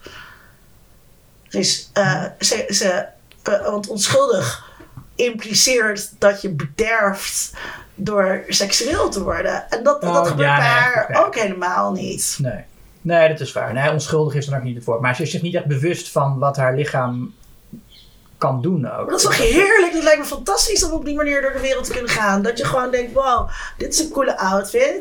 Die trek ik aan Ja, in plaats van dat je, wat ik in de wereld de hele tijd moet doen. Oké, wat hoe zullen mannen hier misschien naar gaan kijken? Nou, zij onttrekt zich aan- op een bepaalde manier, onttrekt die film zich heel erg aan de bedoelingen die er misschien, waarmee die misschien gemaakt is. Dat, dat vind ik wel heel leuk aan die film. Dus Het voelt heel erg als een soort droom of zo. Het is echt een Keta-trip. Het is echt een keten. Ja, ik heb hem nog nooit, nooit natuurlijk gezien, maar ja, het voelt heel erg als een droom. Als een soort iets Ik heel ook niet, maar want je hebt ook geen drugs nodig. Nee, het het nooit wat- nodig, Het maar roept heel het erg wat ja. op, ja. Ja. Ja, En het, ja, dus het is, ik, ja, ik vind het een heel ik vind het ook een leuke film. bijzonder film. Maar ik Maar snap vind- ook wat jij zegt. Maar ik, Het is ook interessant ja. inderdaad om jou... Ik- toch weer, hè? Ik, toch weer. Ah, eh, Atte. om dus jouw, eh, om dus jouw eh, kijkervaring daarbij te horen. En ik denk dus ook dat iedereen's Het is kijkervaring. film, hè. Iedereen heeft andere Ja, kijkervaring. nou, maar dat, dat, maar dat jouw kijkervaring dus ook iets zegt over, over hoe jij je verhoudt tot dit soort. Nou, ik had misschien als, als puber op iets anders gehoopt. Misschien is dat... eh, Ja, nu, kan, nu, nu, heb ik, nu zie ik, neem ik die film gewoon voor wat hij is. Maar toen ik die als puberjongen zag, hoopte ik op een film over een, Ja. een, een, een heldin met een sek, die, die graag seks wilde. Ja. Zo, die elke man besprong. Nou ja, Nee, kan ik snappen. Zoiets. Ehm, nou ja, er valt natuurlijk nog veel meer te zeggen over seksualiteit, maar in Nee, film. was het wel. maar we Dit hebben alles gezegd. alles gezegd. Ja. Nee, interessant, interessant, interessant. Alle, alle interessante dingen over seks hebben wij nu gezegd. En als jij denkt, we hebben nog iets overgeslagen, is het gewoon niet interessant genoeg. Eh, dan gaan we naar de toekomst kijken. Wat, wat er uitkomt waar we ons op verheugen. Hmm. Heeft iemand eh, een idee daarvan? Ik kan wel iets noemen, maar of ik me er echt op verheug, weet ik niet zeker. Ehm, maar ik dacht aan Nope van eh, Jordan Peele. Oeh ja. Maar ik zag de trailer nog even en ik heb het idee van... oh, hij wordt wel een beetje de nieuwe eh, M. Night Shyamalan. Shyamalan. Nu al? Ja, ik denk het, want dat... Ik denk eigenlijk van... Ik vond Us Ehm, maar misschien heb ik het gewoon niet goed begrepen. Toch een stuk minder dan eh, Get Out. Ja, vond ik ook. Eh, en dat is dus een beetje een soort Sixth Sense uh, Unbreakable. En nou heb ik het idee, toen kwam toch Science. Ja, en Ja, ik, ik vond Unbreakable beter dan Six Sense. ja, oh nee, ik niet. Maar nu denk ik van, als ik deze trailer zie van, oh jee, dit wordt toch niet een soort Science? Ah. Het- ik denk dat dit een soort, ik denk dat het, ja, ik Ja, hou mijn hart vast, eh, maar, ik ben, ben, maar ik kijk er wel naar uit. Oké, oké, oké. Ja, ik vind het een beetje. Ik, ik vind het. Ik vind niet dat je zo. Dat je, dat Nee, oké. een rare redenering. dat, ja. Omdat M. Night Shyamalan... Wat trouwens, was ook niet eens zijn eerste film. Dus dat Nee, dat is ook nog verkeerd. Nee, maar de eerste die mensen dan ja. Oké, schrap dit. Ik kijk uit naar Nope van Jordan Peele. Ik heb dus geen idee wat eruit gaat komen qua films. ehm, maar ik verheug me heel erg op het kijken naar eh, seizoen 3 van The Umbrella Academy. Wat net gelanceerd, net gelanceerd is op ehm, Netflix. En vooral omdat Klaus vind ik super geil. Ik ben benieuwd wat daarmee gaat gebeuren. Maar ook omdat ehm Elliot Page, die natuurlijk eh, onlangs eh, uit de kast is gekomen als transman. eh, het personage eh, eh, van Elliot Page gaat ook uit de kast komen als transman. En ik ben heel benieuwd hoe ze dat gaan doen. Ja, oké. Mag ik er nog één? Ja, tuurlijk. Ik kijk dus ook heel erg uit naar de reboot van Hellraiser. Oeh, ja. Alleen ik weet niet of ik erheen durf. Want hij is toch van de regisseur van de, de Night House. Ja. En eh, de Night House, ja, die was onder, volgens mij de Schoon Nieuwsregio een soort van, nou, aardige film of zo. Ik vond die film echt doodeng. Ik vond het echt een ontzettend enge film, maar ook heel, heel erg vet. Ik vond het echt een heel goede, eh, spannende, interessante film, maar echt heel eng. En nu denk ik van, ja, eh jemig, wat gaat hij eh, dan met Hellraiser doen? Ik zou er sowieso al naar uitkijken, maar nu van deze regisseur. Ehm want ik hoop dat het dan niet te eng wordt voor mij. Ik zie je nu al kijken. Kijk, nu wel moeilijk. ja. Was jij niet degene die voor mij Hereditary heeft verpest door te zeggen dat dit een van de engste films ooit was? En toen heb ik helemaal iemand gezocht om met mij naar de bioscoop daar naartoe te gaan, omdat ik bang was dat het te eng was. En toen was het helemaal niet eng. Ja, vond ik ook een heel enge film, ja. Maar dat zit een beetje... En daarom vind ik misschien Hellraiser minder eng. Omdat juist de, in dat occulte, dat, dat vind ik heel eng. Dat is een soort... Ja, zwakke plek of zo. Of ik weet, niet hoe het moet noemen. Maar daar zit een soort... Ja... En als je daar niet gevoelig voor bent. Daarom vond ik dus Man ook. Daar zit ook een soort occultisme in. Wat ik heel eng vind. Maar dan... Het is maar een stukje van de film. Ehm, maar ja. Ik moet even zeggen dat ik zojuist eh, de naam Carol Clover heb uitgesproken als Carol Cleaver. Of eigenlijk, eigenlijk ik heb gewoon de verkeerde naam eh, gezegd. eh, Oh jee. Zojuist. En daarvoor wil ik mijn excuses aanbieden. Ik zit, wat, wat moeten we doen? Ik denk dat we gewoon moeten afsluiten. Ja, jij weet nooit hoe dat Nou, moet. Dat vind ik ook altijd charmant. Ja, dat is, is ook heel charmant. Doe ik ook om die reden. Goed, luisteraar, bedankt. Ik wil jou bedanken voor het luisteren. Luisteraar, ik wil mijn gasten bedanken voor hun aanwezigheid. Ipe Driessen, dankjewel. Linda Duits, dankjewel. Jij ook bedankt. En neem een abonnement op het blad Schokkend Nieuws. En like ons op alle social media. Groetjes. Doeg. Doei.